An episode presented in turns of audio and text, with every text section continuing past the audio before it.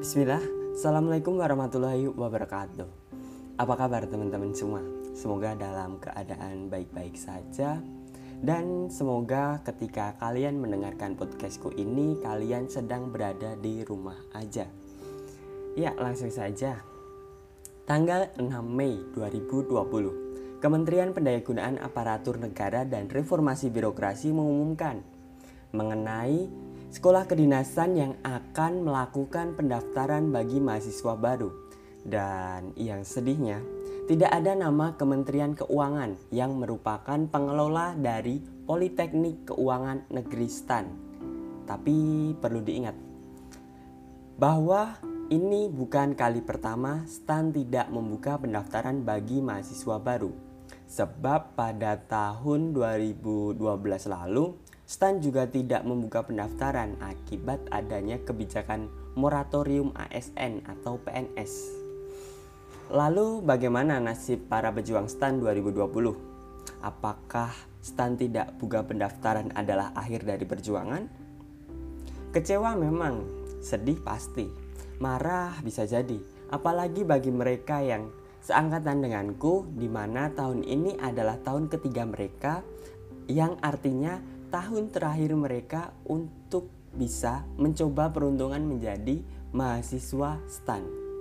Sedih ketika melihat postingan Instagram, cuitan di Twitter para pejuang STAN di mana mereka membagikan kisah mereka yang sudah berjuang, sudah belajar hari demi hari demi mewujudkan cita-cita menjadi mahasiswa PKN STAN. Di sini aku jadi ingat perbincangan dengan temanku mengenai jalan kesuksesan. Mungkin kita sering mendengar kisah sukses seseorang yang secara tidak langsung memotivasi kita bahkan itu bisa jadi titik balik kita untuk mencapai kesuksesan kita.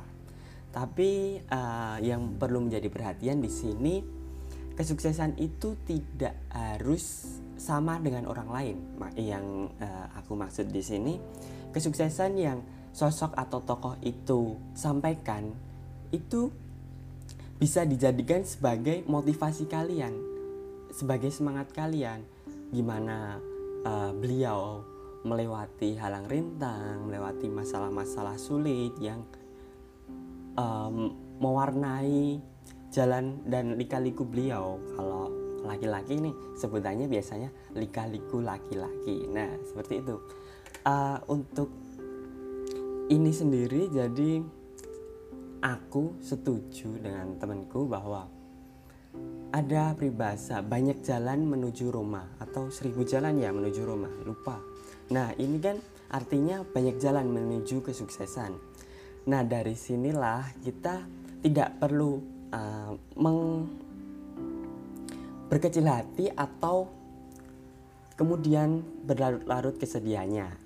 Karena ketika stan ini sudah tutup atau dalam artian di sini tidak membuka pendaftaran pada tahun ini, saya yakin atau rasanya kurang tidak berlebihan kalau para pejuang stan 2020 ini adalah orang-orang hebat. Karena kalian memiliki semangat yang tinggi uh, jika aku lihat dari postingan IG terus cuitan di Twitter aduh itu menyentuh banget sedih banget sedih. Sedihnya ngena. Kalau kata almar, almarhum Didi Kempot rasane nganti tembus neng dodo. Nah, ini artinya uh, postingan dan cuitan kalian itu sampai menusuk ke hatiku. Ya. karena dulu juga sama aku seperti kalian. Berjuang untuk bisa masuk ke stan. Tapi mungkin rezekiku tidak di sana dan uh, aku memutuskan untuk tidak ke sana lagi. Nah, berbeda ketika kalian yang memiliki ambisi tinggi itu saya yakin ini adalah pukulan sangat-sangat berat dalam hidup kalian terlebih bagi seangkatan denganku yang tadi saya sampaikan karena ini adalah kesempatan terakhir kalian, tahun terakhir kalian. Tapi tidak apa-apa karena menurutku pribadi kalian ini masih layak atau bahkan layak untuk masuk ke perguruan-perguruan tinggi negeri di Indonesia. Di antaranya UI, siapa yang nggak kenal UI? Terus UGM, Universitas Gudang Mantu. ya seperti itulah biasanya diplesetkan. Uh, universitas tetangga ini memang ya keren. Terus ada ITB, ITB, Unpad, apalagi. Terus ITS, Unair, Undip juga, UB juga, dan yang terpenting adalah UNS. Kalian jangan mengesampingkan UNS karena UNS ini kalian salah selama ini menerjemahkan singkatannya. Karena UNS adalah universitas nomor satu.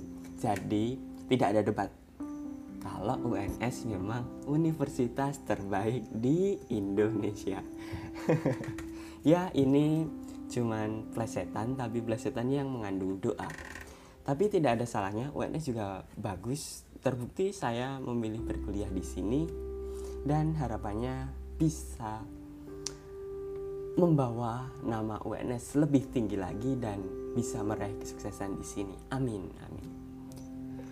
Terus ini pagi tadi uh, aku membuka Twitter dan menemukan sebuah tweetan dari temanku.